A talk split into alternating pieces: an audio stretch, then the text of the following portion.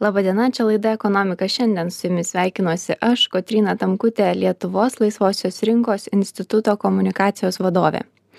Nuo šių metų lietuviai jau gali įsigyti nutolusias vėjo elektrinės. Tikimasi, kad dar šiame dešimtmetyje pradės veikti vėjo elektrinių parkas Baltijos jūroje nuo karo ukrainoje pradžios europoje buvo pagamintas rekordinis kiekis elektros iš vėjo ir saulės. Ar tokia pati formulė galioja ir lietuvoje? Apie tai ir daugiau šiandien kalbėsiuosi laidoje ir joje dalyvauja nuotoliu prisijungęs lietuvos atsinaujinančių išteklių energetikos konfederacijos prezidentas martynas nagevičius. Sveiki. Sveiki.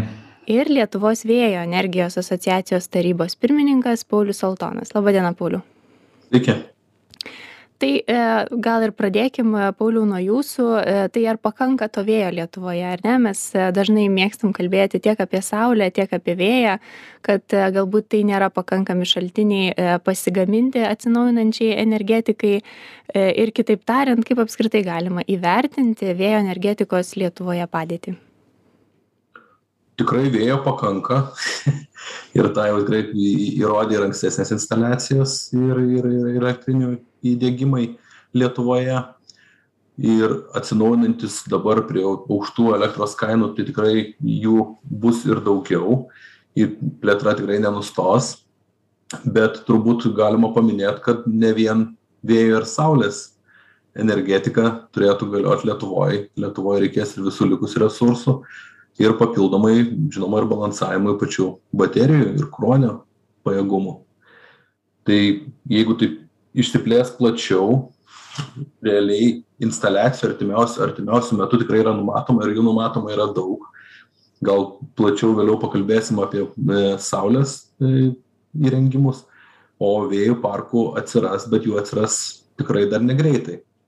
Tai pajėgumai didės kiekvienais metais bet to tikrojo proveržio kad kad mes turėtumėm iš vėjo pasigamintą elektros kiekį tokį kad galėtumėm E, kad visiem pakaktų, tai nemanau, kad taip nutiks artimiausiam dienom.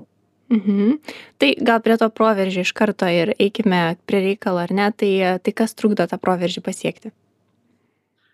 Tai pirmas dalykas yra labai daug teisinių niuansų, norint įgyvendinti vėjo elektrinių parką ir jį pastatyti Lietuvoje. Tai trunka nuo 3 iki 4 metų vien vystymą. Tai pats procesas yra tikrai ilgas, komplikuotas, yra nemažai teisinių niuansų kuriuos kuriuos reikalinga susiderint susitvarkyt tai nėra labai lengvi statiniai. Su saulės proveržiu mes mes turbūt tikrai greičiau galėsim pagamint lietuvai reikalingą kiekį. E, Martinai, jums irgi tikrai nemažai tenka, ne, ir, ir kalbėti, ir diskutuoti, ir, e, ir apskritai vertinti, kiek ir kokius mes tuos atsinaujinančius energetikos šaltinius ir jų infrastruktūrą turime tai e, kaip minėjau kad nuo karo ukrainoj pradžios e, yra skaičiuojama kad europoje buvo pagamintas rekordinis kiekis elektros iš vėjo ir saulės. Ar ta pati formulė galioja ir lietuvoje? Tai čia turbūt e, priežastis yra priežastys yra dvi. Tai pirmas dalykas kad įrengtų gal galių tiek saulės tiek vėjo elektrinės kiekvienais metais daugėja ir mes maždaug maždaug kas kas du tris metus tuos rekordus ir turėsim visą laiką ateity neišvengiamai nes e, jų tiesiog yra daugiau e, daugiau elektrinių. Todėl mes jų neturim kiekvienais metais tų rekordų turim kas porą metų nu tai kad skirtingai būna vieni vieni metai būna vėjingesni kiti metai būna mažiau vėjingi ir čia susidėjo dar šiemet tai kad na praeitais metais tikrai buvo tai yra tai sakykim dėl saulės atveju buvo praeiti metai prastesni o šiemet buvo labai palankūs saulės energetikai metai ir na natūralu kad sumušė visus rekordus sąjungoj ir ten skaičiuoja ten tais milijardais sutaupytų pinigų pirkti dujom. Tai bet aš esu tikras kad jeigu ne kitais metais tai dar kitais metais o gal greičiau netgi kitais metais nes šiemet kaip ir paulius sakė nu investuojama labai daug į tiek į saulės ir vėjo elektrines tai tai tas rekordas vėl bus sumuštas. E, tai tuo tuo esu tikras ir ir mes mušim tuos rekordus ir mušim ir mušim kol galų gale e, pasieksim tai kad e, nu visa elektros energija arba beveik visa bus pagaminta būtent iš atsinaujinančių energijos išteklių. Ir tai yra neišvengiamai tokie yra strateginiai tikslai europos sąjungos ir skirtingų europos sąjungos šalių. Ir tokie patys tikslai yra ir lietuvoj ir lietuvoj tie procesai eina lygiai taip pat kaip ir visoj europos sąjungoj kas yra pagrindinės tų e, rekordų dedamosios, ar ne? Ir e, kurios jau vis dar yra problemiškos, o kuriuose mes tikrai turim kuo pasigirti? E, nu kaip, gal, gal taip sakyčiau, ką, ką Paulius minėjo, reiškia, yra iš tikrųjų čia visos ES problema, tai yra būtent sudėtingas planavimas. Ir būtent dėl to Europos komisija šiemet, būtent Repower EU reglamente, jie atkreipė dėmesį, kad na, reikėtų E, e, vertinti atsinaujinančią energetiką kaip aukštesnio visuomeninio intereso sritį ir, ir reikėtų supaprastinti planavimo, e, planavimo visus procesus.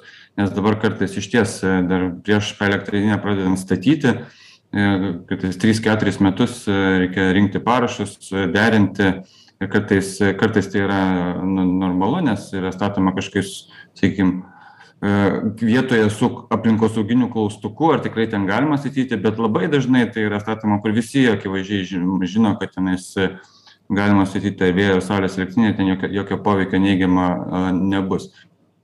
Ir dėl to Europos komisija būtent ir dabar pateikė e, pasiūlymą atsinaujinančių išteklių direktyvos pataisimui, kad e, kiekviena šalis narė turėtų nustatyti tokias vadinamas go-to zonas, kuriuose poveikia aplinkai vertinimo vertinimą reikėtų daryti tiktai tada, kai institucijos iš anksto įrodo, kad čia tikrai gali būti labai pavojinga aplinkai. Tai yra apsiverčia procesas. Ne vystytojas turi įrodinėti, kad jisai nekenkia aplinkai, bet tose zonose, kur perspektyviose vėjo energetika jau institucijos turi rodyti, kad, kad tikrai čia gali būti kažkokia tai žala ir tik tada daryti poveikį aplinkai vertinimą. Ir net tokiu atveju tą daryti neilgiau negu kad uh, metus laiko, užsibrėžti tikslai. Tai, tai manau, kad ateityje matyti ir Lietuva tą patį darys, nes Lietuva čia irgi turi lygiai tokių pačių problemų, nes e, reikia kažkaip sutrumpinti tą, sumažinti tą investicinę inerciją vadinamą, nes dabar jeigu, jeigu galima būtų be jokio planavimo, be jokio tiekimo grandinių statyti vėjo ir saulės elektrinės, tai matyt šiemet būtų Europoje su tokiom elektros energijos kainom tiek investicijų, kad mes turbūt jau šiemet pasiektumėm tą energetinę nepriklausomybę prie tokių energijos kainų. Bet problema yra ta, kad ilgai užtrunka planavimas, ilgai užtrunka įrangos gamyba, kol sulaukia eilės, kol nu, tada gaunasi, kad, kad šiemet elektros energijos kainos pakilo, o vėjo elektrinė atsirado tik tai po penkių metų. Tai va, tai jeigu mes sutrumpinsim tą laikotarpį, tai bus visiems geriau ES ir tai ruošiamės ir daryti. Atrodo viską atsakiau. E, Pauliau, kiek jūsų nuomonė reikšmingi ir tikslus e, yra numatyti tie reikalavimai, apie kuriuos kalba Martinas, bet kita vertus dar ir apie tai, kad šių metų birželį buvo pritarta vis dėlto tą spartesnę atsinaujinančios energetikos plėtrą numatančiam įstatymo pataisų vadinamajam proveržio paketui. Tai ar matote čia teigiamą poslinkį, ar vis dėlto dar yra kas, kas liko ne, neapsižiūrėta? Taip, poslinkis yra teigiamas yra tikrai teigiamų dalykų proveržio pakete bet yra labai ir kritikuotinų dalykų. Tai sakyčiau pats proc jėgainės kurios jau dabar statosi ir ir ir papildomas papildomas įstatymų keitimas kažkur per vidurį procedūrų iš tikrųjų truputėlį rinkoj sustabdo tą visą proveržį proveržį energetikoj vien dėl to kad reikia keisti reikia surinkt naujus naujus parašus naujus naujus sutikimus prisitaikyt prie naujos tvarkos ir paprasčiausiai tai dar trumpam prilėtina procesą. Tie parkai kurie dabar vystysis jau nuo dabar pagal visą naują tvarką tai jie jie vystysis truputėlį greičiau. Truputėlį supaprastintas žemių savininkų ten surinkimas parašų kad nereika nereikalingas servitutai sa zonoj aplink aplink aplink kiekvieną e, jėgainę iš tų žemės sklypų kuriuose nėra gyvenamoji aplinka. Tai supaprastinta tvarka dėl pritarimų iš tikrųjų nu yra tikrai gerų dalykų yra tikrai kritikuotinų kurie kurį kur įstatymas turėjo galiot turbūt po jų po jų įsigyvendinimo tik pradėt galiot. Bet yra tokių vietų kur tiesiog dabar kiša pagalius į ratus. E, turbūt daugiausiai dėmesio ir diskusijų sulaukęs klausimas buvo e, tas vadinamosios dviejų gigavatų generacijos lubos. E, tai e, viena vertus yra suprantama, ar ne, elektra yra toks dalykas, kur neužtenka tik norėti jos pasidaryti. E, reikia ir tam tikrų investicijų, ir pajėgumų, ir galingumų, ir visi kiti dalykai. Vis dėlto, kaip, kaip jūs vertinate tas lubas ir ką siūlytumėte ar keisti, ar peržiūrėti? Aš tikrai manau kad reikalinga reikalinga tas lubas nuimt. Ir iš tikrųjų ir ir ir mūsų tinklo operatoriai taip pat pasakė kad kad dviejų gigavatų riba tai yra ne riba ką gali ką galima integruoti į tinklą. Ir to kad nori pastatyt iš tikrųjų visada stovi energijos tinklo operatorius kuris pasako kiek galima tam tikrose vietose prijungt kad tai ne ne nesutrukdytų mūsų tinklo darbui. Tai tos dviejų gigavatų lubos aš tik tiesą pasakius nematau pagrindo kodėl jis turėtų būt ir kodėl jis turėtų vis dar galiot. Nes šiuo metu dviejų gigavatų lubos iš tikrųjų labai stipriai atidėjo saulės energetikos plėtrą lietuvoj. Iš tikrųjų visi visi dabar kurie kurie norėjo investuot jie laukia kol gaus leidimus plėtrai ir galės galėt pra pradėt projektavimo darbus. Tai paprasčiausiai viskas turbūt atsidės geriem metam. Ką mes jau galėtumėm iš tikrųjų naudotis tais vaisiais nuo vėjo elektrinių pastatymų nuo saulės elektrinių pastatymų tai mes galėsim užsitikrint tiktai tuos tuos galingumus tiktai po gerų metų. Mhm. E, dar vienas įdomus projektas, labiau susijęs su, su vėju ar ne su vėjo elektra, tai yra tai, kad e, iki 2028 metų yra tikimasi, kad pradės veikti vėjo parkas Baltijos jūroje. Tai Martinai, norėčiau jūsų klausti, ką apskritai Lietuvai ar ne mūsų regionui reiškia turėti tokį, tokį projektą ir šiuo atveju įsivaizduoju kad tas planavimo procesas dar sudėtingesnis turbūt negu e, negu vėjo jėgainės e, sausumoje.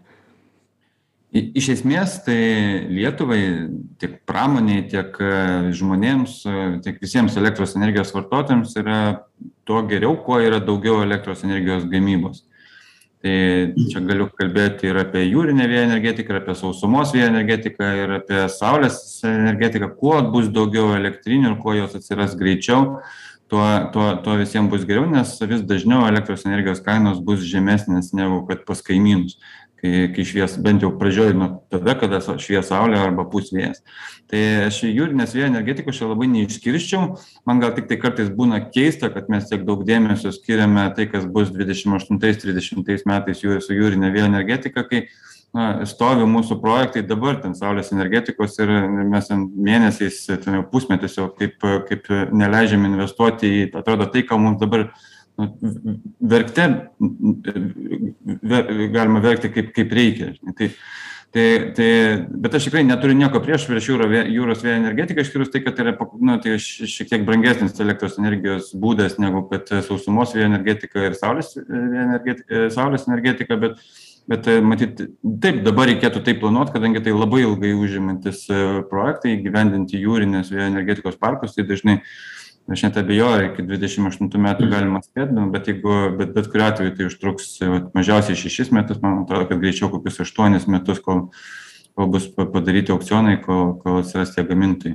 Tai taip mes turim apie tai galvoti bet bet kartu mes turėtume ir ir nestabdyt nusiskinti tuos žemai kabančius vaisius o ne pradėti nu galvoti apie tuos aukščiau kabančius kol žemai žemi nenu ne ne nenuskinti tokia e, su, sukritikavot mano klausimą iš principo, bet vis tiek noriu, noriu grįžti dar prie jo, nes e, vėjo parkai, e, e, žiniasklaidai nemažai buvo kalbėta apie tai, kad, e, kad antrasis vėjo parkas bus įgyvendinamas be valstybės paramos. Tai toks bendras klausimas, kiek apskritai tokiems projektams yra reikalinga ta valstybės parama ir kokius jos principus jūs matytumėt aš nežinau ar tai vadinčiau valstybės parama. Ta prasme ką ką ką kaip daromi dabar projektai tai dažnai valstybė yra kaip elektros pirkėjas. Tai yra sudaromas kontraktas su elektros gamintoju ir dažnai tas kontraktas būna nustatant kainą kuri yra žemesnė negu da nu negu dabartinė tai tikrai žemesnė bet žemesnė net negu kad ilgalaikė prognozuojama rinkos kaina.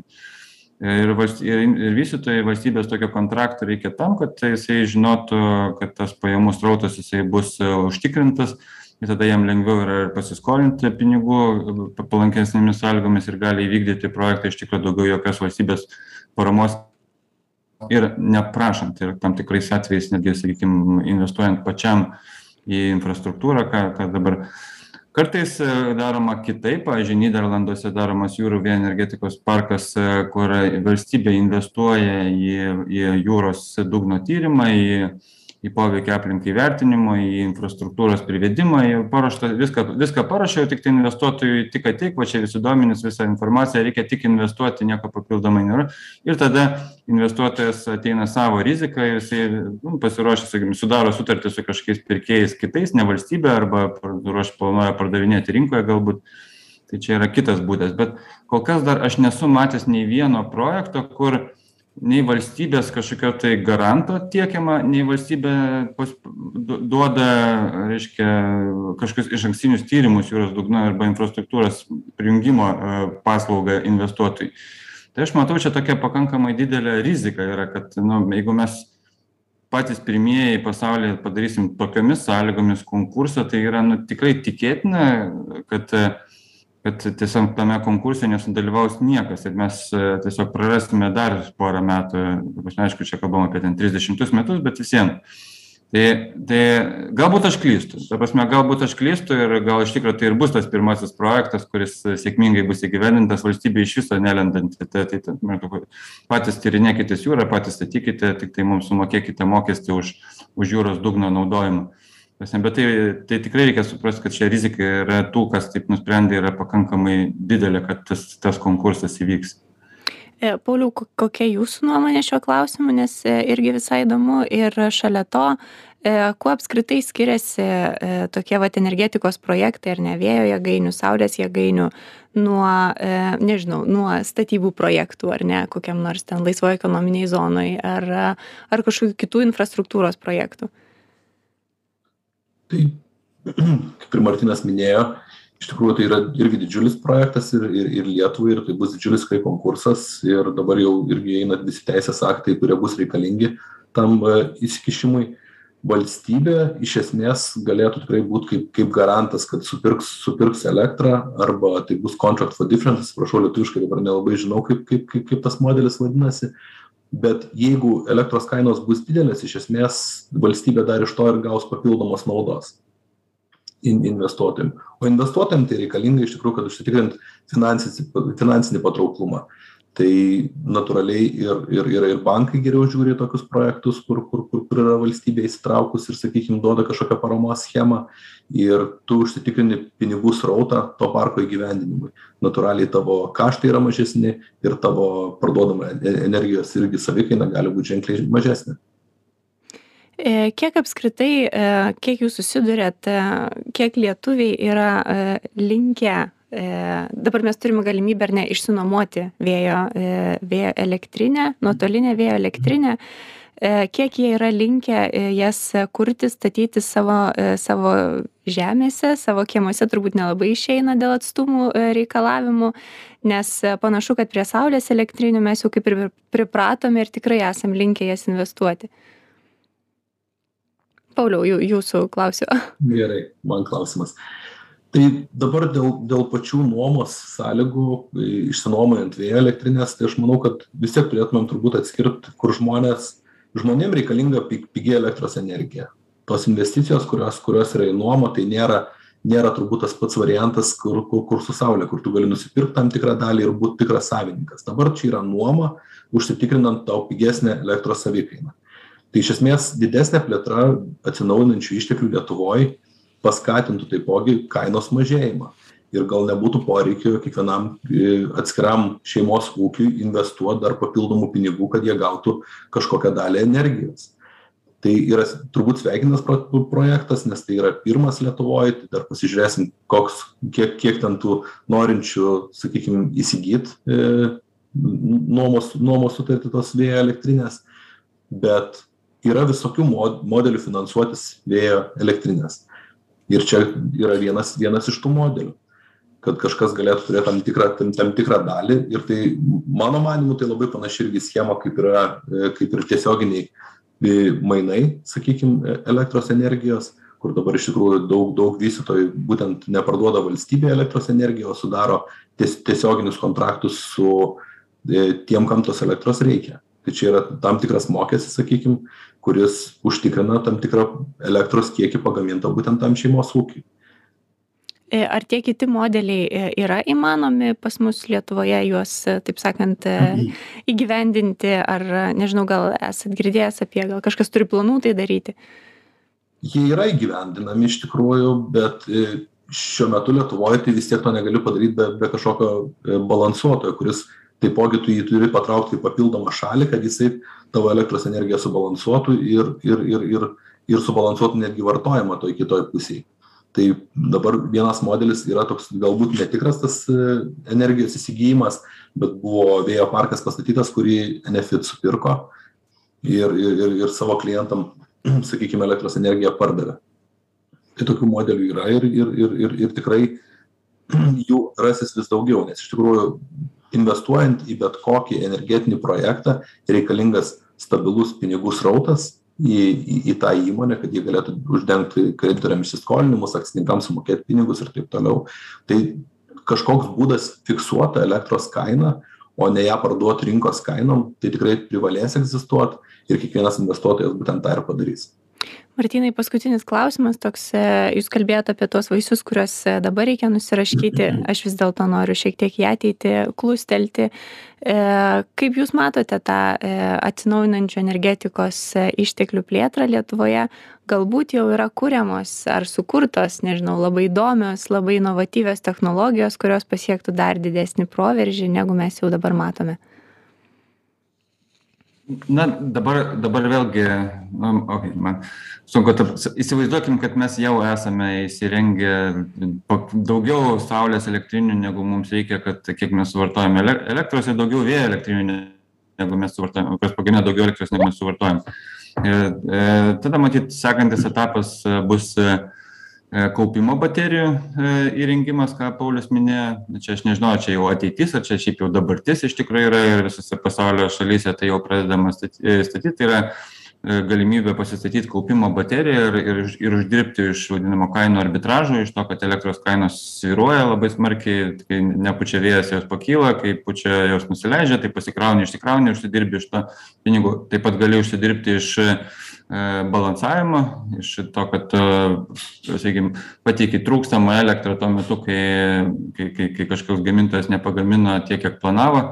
Taip pat e, tu gali teikti tą vadinamą pirminio antrinio rezervą, tai sisteminės paslaugas užsidirbti iš to. Tai čia ateina visiškai nauja rinka ir, ir tikrai galimybės daug užsidirbti. Tai sekantis etapas, matyt, bus, kai ateis kalba apie paskutinius uh, dvidešim procentų elektros kaip jas pasigaminti iš atsinaujinančių energijos išteklių tai matyt ateis laikas kaip išspręsti tą e, dviejų savaičių e, labai debesuotų dienų ir, ir, ir ramių problemą. Reiškia, kai nei saulės nėra, nei vėjo. Reiškia, tai būna gan retai, bet taip pasitaiko ir, na, matyt, tada ateis laikas vandenilio technologijams, kad tų pertekliaus metu bus gaminamas vandenilis jisai bus laikomas ir vat kai ateis tos dvi savaitės tai bus galimybė reiškia tuose tą vandenilį panaudoti elektros energijos gamybai ir uždengti tą tarpelį tam kad iš išvengtumėm naudojimo gamtinių dujų tų net ir tas dvi savaites ir uždengti tom poreikiui. Tai čia matyt tos kalbant apie generacijos kitas galimybes be vandenilio gamybos tai e, nu, Europos komisija labai daug duoda, deda vilčių į, į tą vadinamą Mm, potvynių ir bangų energetika. Ir ten yra visa strategija Europos komisijos apie tai daryti. Ir iš tikrųjų ten yra daromas, ten tas proveržys, jis yra labai toj pirminėje etape, dar vis ten tik tai demonstraciniai projektai tame daroma, bet yra tikima, kad iš šitos technologijos galima, e, ją galima patobulinti tiek, kad jinai pagamintų tikrai konkurencingą elektros energiją ir gamintų ją visus metus, nes potviniai vyksta ištisai. Tai gal nėra labai aktualu Lietuvai, bet tokiom valstybėm kaip, kaip Prancūzija, ten Portugalija arba, arba Junktinė karalystė, tai tai tai tikrai ten pers perspektyvų yra nu ir po to tos technologijos apie kurių mes dar šiuo metu kurios nėra išrastos tai nežinau ten galima galbūt šnekėti iš tikrųjų apie kažkokius tai termobranduolinę energetiką kur nu bet aš nežinau čia jau tikrųjų turbūt e, aš nežinau ar aš sulauksiu bet nes nes apie ją jau šnekėjo kai aš mo mokykloj mokinausi tai kad jinai tuoj tuoj atsiras bet bet apie ją vis dar šnekama tai nu ką galbūt kada nors iš tikro tai bus išvystyta ir turėsim dirbtinę saulę kuri pagamins visiems e, elektros energijos pakankamai bet e, kol kas mes vėlgi raškykime tuos vaisius kurie dar kabo ir ir kuriuos reikia greičiau greičiau nusiraškyti. Tai tikrai dar ką vertinti analizuoti ir kuom domėtis e, energetikos srityje tikrai bus suprantu iš iš jūsų. Ačiū labai už pokalbį ir įžvalgas. Šiandien laidoje kalbėjausi su lietuvos atsinaujinančių išteklių energetikos konfederacijos prezidentu martynu nagevičiumi ir lietuvos vėjo energijos asociacijos tarybos pirmininku pauliu saltonu. O klausytojus kviečiu likti kartu ir netrukus rubrika stebime valdžią Sveiki sugrįžę, čia rubrika Stebime valdžią, kurioje apžvelgsiu naujausius ir aktualiausius valdžios pasiūlymus bei sprendimus.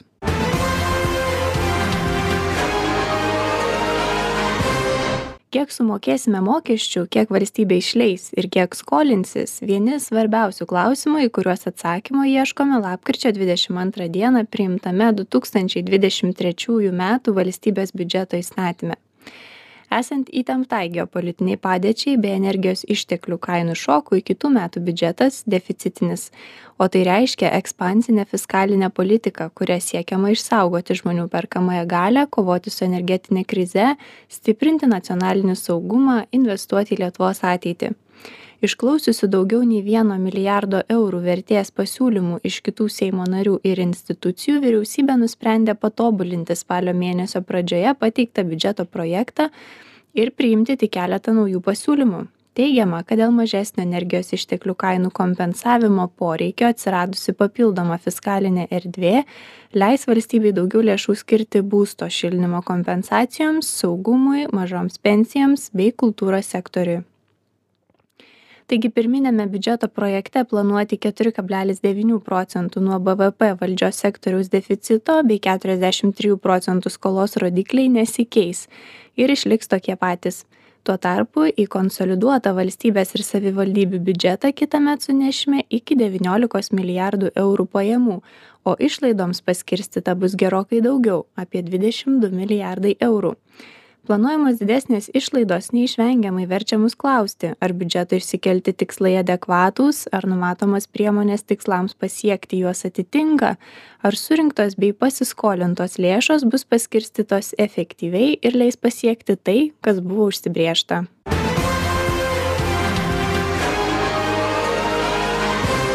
lietuvos mokesčių sistema vis dažniau susilaukia tarptautinių institucijų kritikos. Štai pasaulio banko atstovų teigimu šalyje taikomi net septyniasdešim du skirtingi apmokestinimo režimai. O dėl sudėtingos apmokestinimo tvarkos mokesčių surinkimas yra ženkliai mažesnis negu europos sąjungos vidurkis. Anot pasaulio banko apmokestinimo tarifas turėtų būti nustatomas pagal pajamų dydžius o ne pajamų šaltinius lietuvos laisvosios rinkos instituto vertinimu mokesčių teisinis reguliavimas turėtų būti nuoseklus logiškas glaustas suprantamas tikslus ir nedviprasmiškas. Jei tai yra užtikrinama mokesčių mokėtojai gali lengviau suprasti mokesčių sistemą ir išvengti painiavos dėl mokesčių įstatymų jų išaiškinimų ir deklaracijų formų nors vyriausybės siekis kompleksiškai pertvarkyti visą mokesčių sistemą netaikant pavienių pakeitimų yra sveikintinas. Tačiau praėjusių metų vasario mėnesį į pirmąjį posėdį susirinkusi finansų ministerijos suburta mokestinių lengvatų peržiūros darbo grupė savo pasiūlymų dėl mokesčių sistemos tobulinimo taip ir nepateikė. Dabar finansų ministrė gintarė skaistė kalba kad kompleksinė mokesčių sistemos pertvarka galėtų būti pradėta seimo pavasario sesijoje vis tik lietuvos laisvosios rinkos institutas atkreipia dėmesį kad atidedama reforma negali tapti priežastimi seime užkirsti kelią pavienėms iniciatyvoms kurios stiprintų šalies mokesčių sistemos konkurencingumą tokios kaip pelno mokesčio sistemos apmokestinimo tobulinimas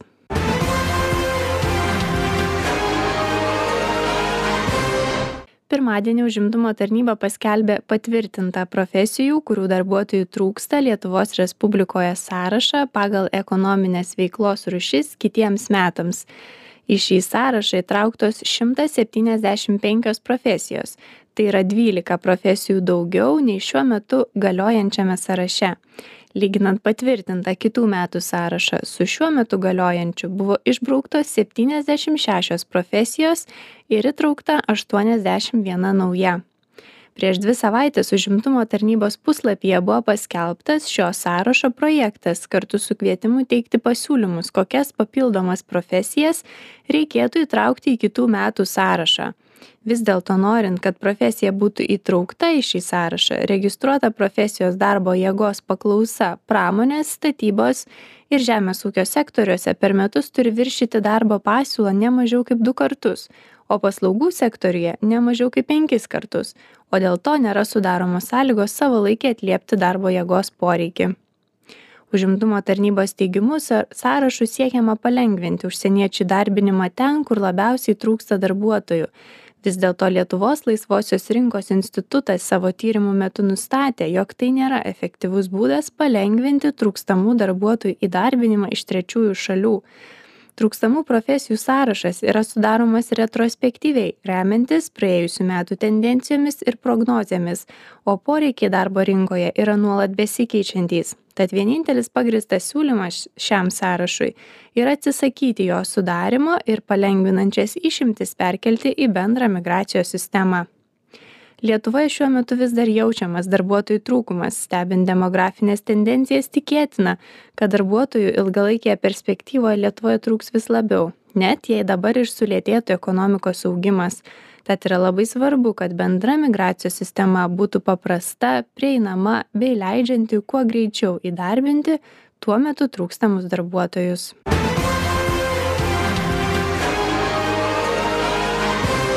ačiū už dėmesį čia buvo rubrika stebime valdžią. Iki kitų susitikimų